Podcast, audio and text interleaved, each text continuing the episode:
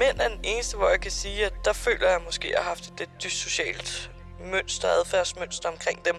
Det har været legetøj. Det har ikke været noget, man behøvede at forpligte sig til, eller det var noget, man kunne bruge, og det var noget, man kunne udnytte. Altså,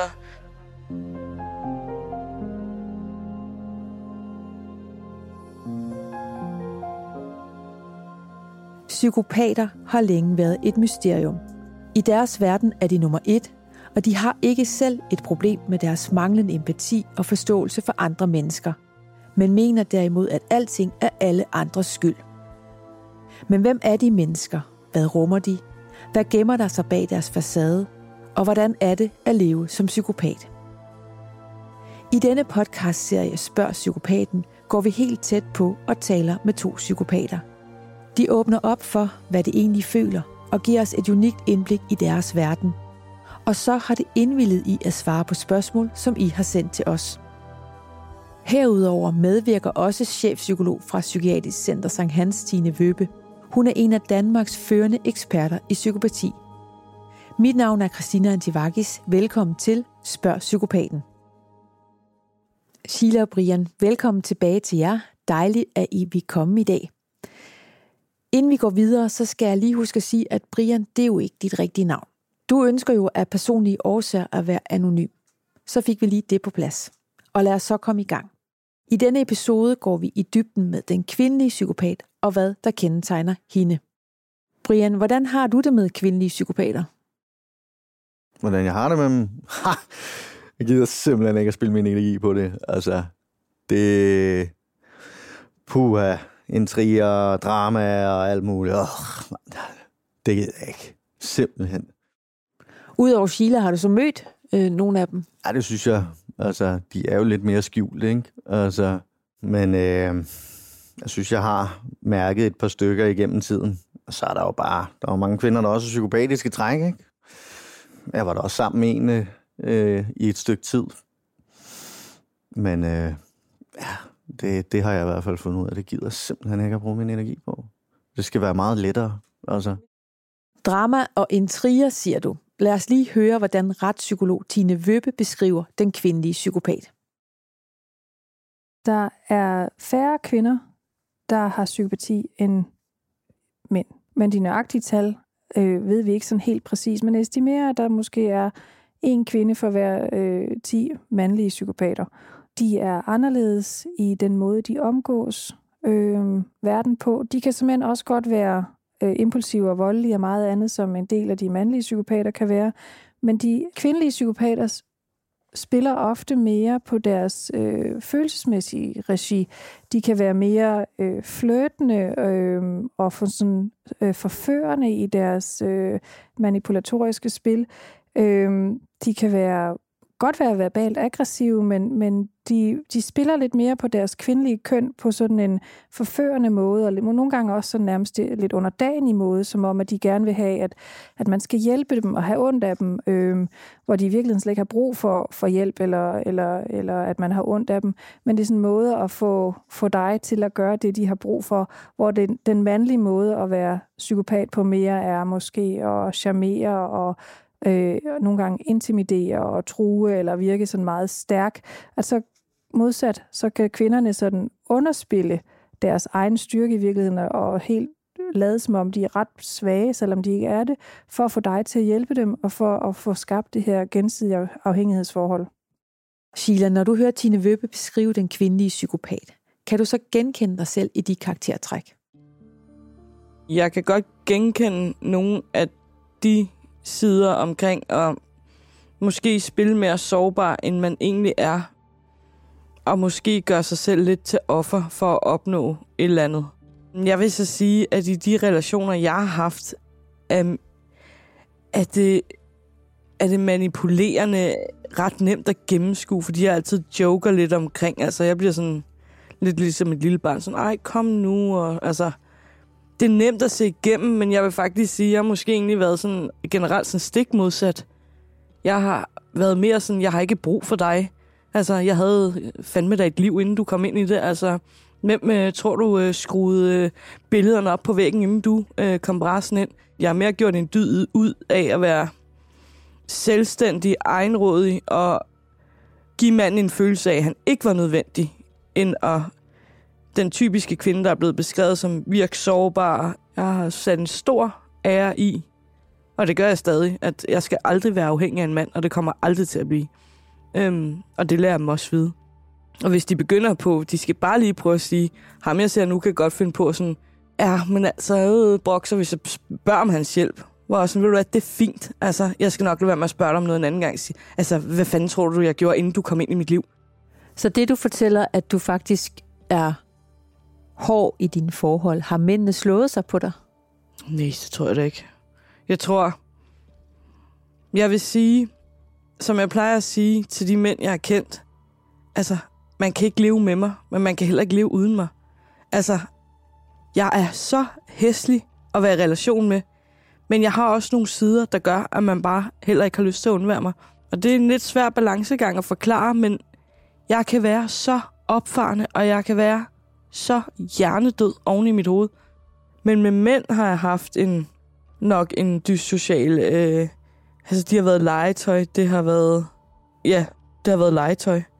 Det har ikke været noget, man behøvede at forpligte sig til, eller øh, det var noget, man kunne bruge, og det var noget, man kunne udnytte. Altså, som mænd er den eneste, hvor jeg kan sige, at der føler jeg måske, at jeg har haft et lidt dyssocialt mønster, adfærdsmønster omkring dem. Brian, nu sidder du og hører på, at Sheila fortæller, at hun som kvindelig psykopat bruger og opfatter mændene som legetøj. Har du det også sådan, at du bruger dine dyssociale træk til at score en pige? Det, som der nok er mit kendetegn jo, det er jo lidt, at jeg tager lidt det, jeg gerne vil have, ikke? Altså, den pige, jeg gerne vil have. Øh, og hvis der er noget, jeg mangler, så tager jeg det, ikke? Altså sådan, man, jeg mangler ikke så meget andet end øh, en pige, en piger, eller kærlighed, eller hvad man skal kalde det for, ikke? Øhm, og jeg er jo jeg er jo manipulerende i den forstand, at jeg bliver til en anden person, for ligesom at få den her pige, jeg gerne vil have. Det var jo, at øh, jeg meldte mig ind i den her ensomhedsgruppe her, ikke? Og, og tænkte, der burde det være ret nemt, ligesom at finde nogen, der var lidt såret og lidt ødelagt, ikke? Så man kunne, man kunne hive i nettet ret hurtigt, og det, der gik jo heller ikke særlig lang tid, før der var en pige, der skrev, og efter vi havde været til et eller andet arrangement, og men altså, hun, hun var jo ikke rigtig interesseret, sagde hun jo. Vel? Men altså, det kunne jeg jo mærke ret hurtigt, at det var hun. Hun så vist også lidt en fyr, og så... Ja, så det gik ret hurtigt med, at hun ikke så den her fyr mere, men hun var... Hun var udlagt, øh, men hun kunne godt lide, at, at man lød på en, speciel, på en speciel måde. Øh, så jeg brugte jo ret meget tid på at sidde og lytte til Morten Messerschmidt. Han har jo et vokabularium, der siger bare to, ikke? Altså, så, så der sad jeg jo og lyttede til ham. Han havde lavet nogle podcast, og sad og så nogle nyhedsklip med ham, for ligesom at, at kopiere den måde, han talte på. Og det var hun meget fascineret af, øh, på en eller anden mærkelig måde. Og samtidig med det, så var hun også lidt fascineret over det, jeg kunne øh, i sengen, for eksempel, eller øh, den måde, jeg så ud på, og sådan, ikke? Altså, jeg var lidt spændende, og så samtidig var jeg lidt intellektuel at høre på, ikke? Uden egentlig at være det, ikke? Altså, sådan, det var ikke, fordi vi havde dybe samtaler om verdenssituationen eller noget, men det var nok, det var nok, at jeg bare kunne lyde sådan, ikke? Så din indsats, den, øh, den gav bonus? Ja. Og så kom hun, og vi hyggede os lidt i et par måneder, og så var hun med til at hjælpe med al min lejlighed, og så gad jeg ikke at tale med hende mere. Kvindelige psykopater er i undertal. Forskere vurderer, at hver tiende psykopat er en kvinde. Derfor kender de ikke så meget til dem som de mandlige. Men det, de har kortlagt, er, at de overordnet har de samme karaktertræk som mændene og at de i kraft af deres køn til tider kan have en fordel, som retspsykolog Tine Vøbbe her forklarer. De kvindelige psykopater kan tit være mere flirtende, altså spille på deres seksualitet og sensualitet, og sådan bruge hele det der kvindelige univers. Øh, og man kan modsatrettet sige, at det gør mændene jo også nok, fordi de jo måske mere bruger det her sådan meget mandlige univers med, med mandlig styrke, lidt macho og lidt styr på tingene og selvsikkerhed. Ikke? Øhm, så, så det bliver sådan lidt en karikeret udgave af, af kønnene på en eller anden led. Er de mere manipulerende end de mandlige psykopater er, eller er de bare raffineret på en anden måde? De kvindelige psykopater er raffineret på en lidt anden måde end de mandlige i forhold til det følelsesmæssige manipulatoriske spil. De vil være gode til at spille sårbare, mens de i virkeligheden ikke er det. Og de vil være bedre til også at vække noget medfølelse hos dig, som gør, at du bliver til at overtale, eller du bliver forført af dem, hvad enten det er øh, sådan på det relationelle og emotionelle plan, eller i en eller anden forretningssammenhæng, eller øh, anden anden sammenhæng. Så det er en lidt anderledes måde at, at, at være i verden på, når man er kvindelig psykopat end mandlig. Sheila, du kan jo af god grund ikke beskrive, hvordan det er at være en mandlig psykopat. Tine Vøbe fortæller her, at I kvindelige psykopater både spiller på det sensuelle og bruger det til at få magt. Er det sådan, din omverden opfatter dig? Jeg får at sige det mildt, de liderlige beskeder for mænd, som tror, at øh, at det dyssociale hænger sammen med, så man også bare fuldstændig wild and crazy i sengen. Øhm, det, det, de sætter det i forbindelse med, så kan man jo så selv se derfra, hvor meget folk så egentlig ved om det. Jeg havde en, der på et tidspunkt spurgte mig direkte, om jeg ville bolle, fordi at, øh, jeg måtte jo være promiskuøs nu, hvor jeg var øh, psykopat. Hvor at, øh, det er sjældent, jeg gider svare på det, men der, der var jeg sådan lidt, altså, hvad, hvad, hvad får du ud af? Altså, Hvordan kan du sætte de to ting i forbindelse med hinanden? Og jeg har det sådan lidt, jeg gider ikke så udtale mig om, jeg er det ene eller det andet seksuelt. Det ved min partner. Det er der sgu da ikke nogen af de andre, der behøver at vide. Men at sætte det i forbindelse med, at det er frægt, som jeg nogle gange... Hvad en ting er, hvis det så er frægt, men hvad så med alle de andre problemer, der medfølger? Altså, så kan det godt være, at vi har skide fed sex, men hvad så derefter? Har du lyst til at stå med alle de andre ting? Bare for at få god sex. Altså, har du lyst til det? Fordi de ser kun, og så ser de ikke øh, bagsiden af medaljen, at der følger altså mere til den side også. Ikke? Og det er jo altså heller ikke ens betydende med, at man er vild og crazy i sengen, bare fordi man er dyssocial. Det er en underlig parallel at, at drage, synes jeg. Altså, det er åbenbart sådan, de tænker. Og hvor det kommer fra, det ved jeg ikke. Øh, man kan jo sige, at den kommer også, når... Det siger man jo også om rødhåret. Altså, det siger man også om buttede piger. Altså, det er jo... Nu siger man det åbenbart også om kvindelige psykopater. Altså. Den er kommet med på listen åbenbart, og jeg ved ikke hvorfor. Måske fordi de tror, du ingen grænse har, og derfor så er der adgang til alle de fantasier, de selv har. Ja, men altså er der ligesom alle andre mennesker på det område. Det er der ikke, der er der ikke øh, fri adgang. Altså, det, jeg er ligesom alle andre. Altså, det er sådan noget, man bygger op med en partner over tid. Og jeg siger da ikke, at jeg er kedelig, men det skal der bygges op. Jeg er da ikke bare, nå, ja, så kom, gør hvad du vil med mig, fordi jeg har bare, bare ingen grænser, og jeg har lyst til det hele. Jeg har jo netop grænser, for jeg er dyssocial og jeg tør godt sige dem, og jeg tør godt stå ved, at det der, det skal du ud og med ikke gøre, for altså, hvis du gør det, så får du en flad. Altså, at, at tro, at ikke har grænser seksuelt. Altså, vi har grænser øh, med alt. Altså, du skal ikke træde over dem, om det er seksuelt, eller i det virkelige liv, eller inden eller ude for sengen. Det er pisseligegyldigt. Grænser, det har vi. I har jo begge sagt ja til at komme her i dag for også at svare på en bunke spørgsmål – og derigennem give os et unikt indblik i jeres tanker som psykopat og fortælle om livet som dyssocial. Der er en, der har skrevet ind med et spørgsmål, der går på. Når I præsenterer jer for andre mennesker og fortæller dem, at I er psykopater, hvilken reaktion får I så? Ingen. Jeg får jo ikke rigtig nogen reaktioner på at, hvad, øh, at sige, at jeg er psykopat som kvinde. Jeg ved ikke, om man som mand måske oplever flere reaktioner, fordi det er voldsommere som mand, og det er det, vi primært kender til. Øhm. Og Brian, hvilke reaktioner får du, når du fortæller, at du er psykopat?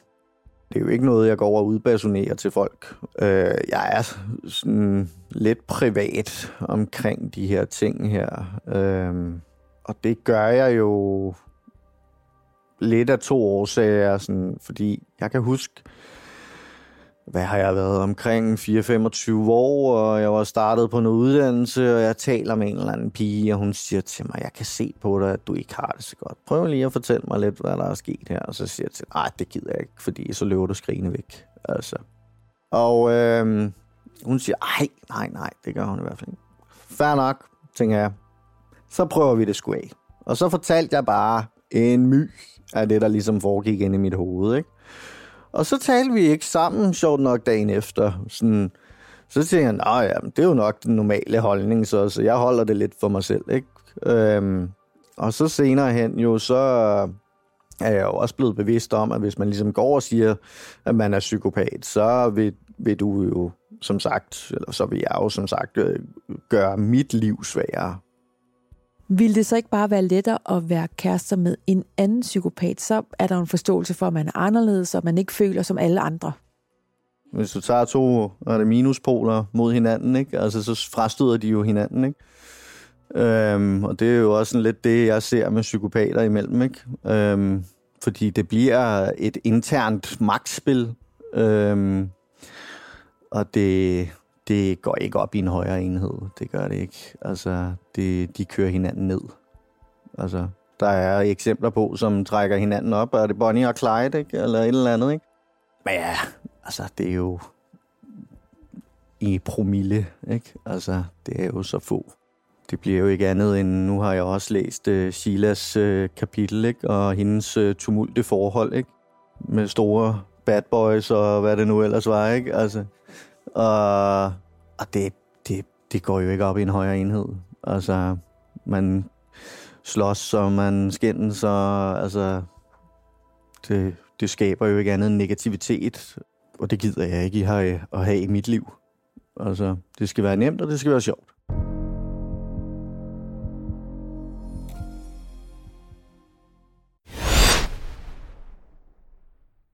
Kender du også det? Køkkenbordet flyder med brugte tallerkener, og opvaskeren skal fyldes igen, igen, igen. Hvorfor er det altid dig, der skal fylde den, når alle nu ved, at det er dig, der hedder det allermest? Kunne det måske være, fordi de andre ikke kan finde ud af at fylde den ordentligt?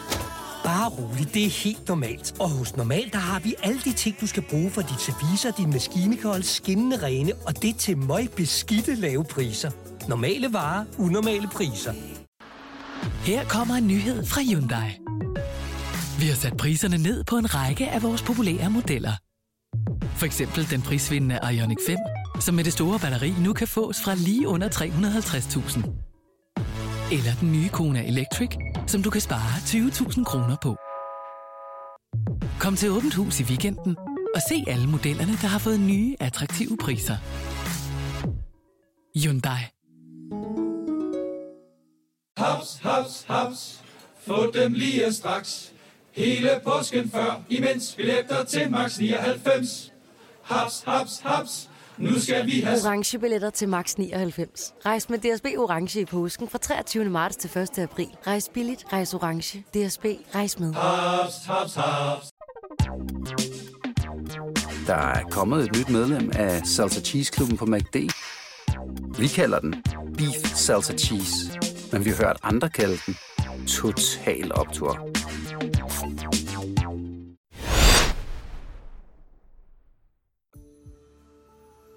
Tine Vøbe har tidligere fortalt, at nogle af kernetrækkene ved at være psykopat, det er impulsivitet, aggressivitet og at man ingen anger har.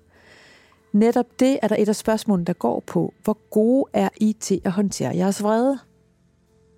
Det ting, jeg ikke engang anede, jeg ville øh, blive sur over. Det kan jeg genkende fra min far, det kan jeg genkende fra mig. Vi kører bare os selv op. Og folk omkring os, det vil min mor også kunne sige, for hun har ligesom levet sammen med min far. Hun kender mig. Vi kan bare... Du behøver ikke sige noget. Du kan sidde der, og vi kan bare vivle den op og blive ved og ved og ved, til den til sidst bare eskalerer for os.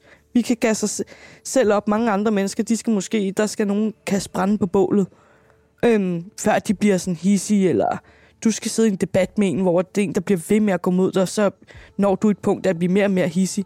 Som dyssocial, der kører du dig selv op. Der, der er ikke nogen, der behøver at sige noget til dig. Du er lige pludselig bare gået fra 0 til 100 på 3 sekunder. Øhm, og det er jo det er udmattende. Altså, det er drænende. Det er det også for os. Det er det i hvert fald for mig. Jeg skal selvfølgelig ikke udtale mig om andre dyssocial, men for mig bliver det drænende, for, for det sted feber er det. Altså, jeg har fået feber af det før, for jeg bliver så hjernedødt øh, aggressiv, at øh, mit blod, altså så kan man virkelig snakke om øh, blod i kog. Altså det er mere sådan smadre ting, eller komme til at sige noget rigtig, rigtig grimt til andre mennesker, eller altså jeg kan finde på at kalde mine veninder for fede luder og klamme smatkasser, altså hvad der nu ikke findes af grimme ord, ikke? Altså, jeg bliver meget, meget grim verbalt, og jeg krasser mine hænder for at få lov at smadre et eller andet, ikke? Så det er sådan der, tror jeg. Det er sådan ødelæggende, ødelæggende øh, vrede. Og når du er i den der ødelæggende vrede, hvad for nogle tanker har du så i dit hoved? Og hvordan det kan har... simpelthen ikke. Det er nærmest ligesom blackout. Og hvor god er du så til at sige undskyld bagefter? Det er sjældent, jeg siger undskyld. Det er sjældent, jeg mener, jeg har noget undskyld for. Det er bare sådan, det er. Jeg kan ikke engang komme med et godt eksempel på at sige undskyld. Så, så sjældent gør jeg det. Hvorfor tror du, det er svært for dig at sige undskyld? For mig ligger der mere bag ordet undskyld, end bare et undskyld. Jeg tror, jeg synes, det er meget, meget overfladisk. Folk, der tror, de kan undskylde sig ud af alting. Altså, jeg er træt af ordet undskyld. Ej, jeg var der utro, undskyld. Ej, jeg slog dig i hovedet, undskyld. Altså, at, at tro af et ord øh, som undskyld, det kan simpelthen bare gøre alt bedre. Men det kan det ikke. Ordet undskyld hjælper ikke på en skid. Altså, jeg er mere sådan en type, der... Jeg vil hellere se handling, end jeg vil høre på ord. Men så ændrer det, gør noget ved det. Et undskyld, hvad fanden? Nej, kan jeg pakke det op? Kan jeg lægge det i en skuffe? Altså, fuf, du sagde det, det forsvandt. Jeg kan ikke bruge det til noget. Jeg synes, ordet undskyld er noget af det mest latterlige, der eksisterer, og det mener jeg helt seriøst. Jeg kan ikke bruge det til noget. Brian, du hører jo her Sheila fortælle om den voldsomme vrede, der nærmest giver hende feber. Du har tidligere fortalt mig, at du var voldelig som ung. Hvordan har du det med din vrede i dag som voksen? Jeg kan jo godt blive vred, og jeg kan jo godt blive irriteret. Jeg kan også godt faktisk blive skuffet over folk, ikke? Altså, øhm, men altså, det er jo hurtigt væk igen. Det er jo ikke... Der der er nogen, nogen af dem er hurtigt væk igen, ikke? Og så er der andre, hvor at, øh, jeg godt kan være sur i længere tid. Og så det er jo der, hvor jeg får den her hævn, hævnlyst, øhm, og sidder og planlægger alt muligt, som jeg vil gøre ved den her person, ikke? Hvad kan du planlægge? Hvordan, hvad, hvad tænker du på den? Ja, men det er jo mest, det er jo mest noget med at, altså sådan noget med at ødelægge deres liv, ikke? Øhm, Hvordan? jeg sad og havde nogle tanker for ikke så lang tid siden omkring øh, en, der arbejdede på kommunen, hvor at, øh, jeg synes bare, hun var en kost, ikke? Altså, og der sad jeg der i hvert fald og havde planer om, hvordan jeg skulle finde ud af, hvem hun var på kommunen først. Og så skulle jeg jo så bagefter følge hende hjem, for, altså for at finde ud af, hvor hun boede. Sådan, så jeg stille og roligt kunne, kunne pifte hendes bildæk, eller pifte hendes cykler, sådan, så hun begyndte stille og roligt at komme for sent på arbejde. Sende små beskeder op på kommunen, sende nogle små klager, lave en, en, et hav af forskellige e-mails omkring, hvordan at den her person her, som, øh, som arbejdede, eller som gjorde nogle, nogle dårlige ting, ikke? altså virkelig ødelægge hendes rygte på arbejdet fra forskellige e- e-mailadresser, ikke? Sende mange forskellige e-mails. Så kombineret med, at, at jeg ligesom sørgede for, at hun kom for sent på arbejde hver dag, ikke? Øh, stille og roligt nedbryde hende, ikke? Sende hende trusler ind af postkassen og gøre hende lidt angst, ikke? Stille og roligt nedbryde hendes liv, ikke? Hvad får du ud af at tænke de tanker? Så bliver lidt, lidt, lidt tilfredsstillet indeni, ikke? Altså, men... Men ja, problemet er bare, at, at tror jeg, altså, jeg ved ikke, om det er et problem, men jeg gør det jo ikke jo. Altså, det er jo, det er jo bare tanker. Øhm, men jeg, jeg tænker også, at noget, der ligesom fraholder mig fra at gøre det, det er, at hvis jeg nu blev opdaget, ah, jeg gider fucking ikke at have sådan en dom, vel? Altså, og det er, også, det er også det, der fraholder mig fra at gøre mange andre ting, tror jeg, fordi at jeg har den her filosofi lige nu om, at jeg skal være den her gode far.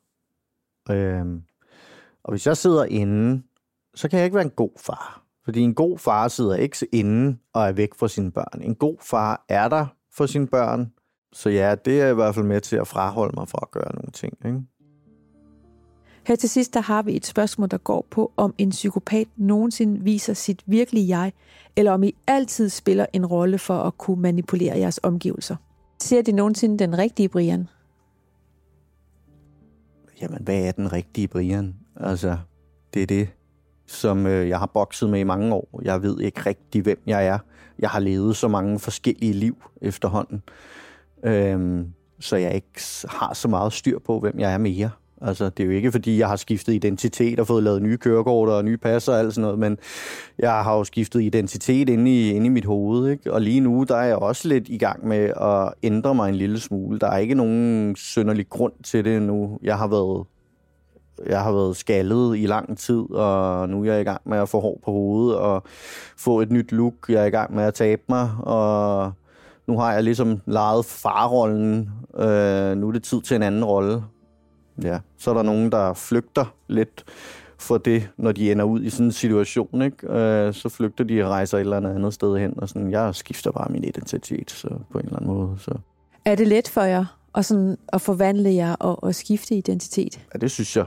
Altså, det synes jeg. Øh, nogle gange kræver det lidt arbejde. Det skal, det skal man ikke lægge skjul på, men øh, så svært er det sgu heller ikke lige at lyde lidt mere intellektuel, ikke? Og så kaste om sig med fremmedord og sådan noget, ikke? Hvad tænker du, Sheila? Hmm, jeg tror aldrig, jeg sådan har skiftet på den måde. Altså, jeg tror altid, jeg bare har set alle siderne som værende en del af mig. Altså en samlet pakke. Der, der er både ja, den glade Sheila, den overgivet Sheila, der er den intelligente Sheila, øh, der er den humoristiske. Altså, jeg har altid set alle delene sammen. Altså, jeg har aldrig været så meget i tvivl om, hvem jeg var. Og jeg vidste fra en helt tidlig alder, hvad jeg stod for, og altså, hvad jeg ville, og hvad jeg ikke ville. Og, altså, så jeg har ikke øh, haft skiftet identitet på den måde. Jeg har bare nærmest omfavnet alle de sider af mig, der var. Øhm, og har ikke været chokeret over de sider. Øhm, jeg har godt vidst, blandt andet da jeg udnyttede min eks, jeg vidste godt, det var en latent side, der lå i mig, at jeg var i stand til det. Og ikke noget, der kom bag på mig. Øhm, de ting, jeg har gjort igennem tiden, har ikke, har ikke været noget, der er kommet bag på mig. Det har heller ikke været noget med, at jeg har følt, at jeg gik ind og tog en anden rolle, eller havde en anden identitet. Det har bare været mig, og det har bare været en side, altså endnu en side, eller en side.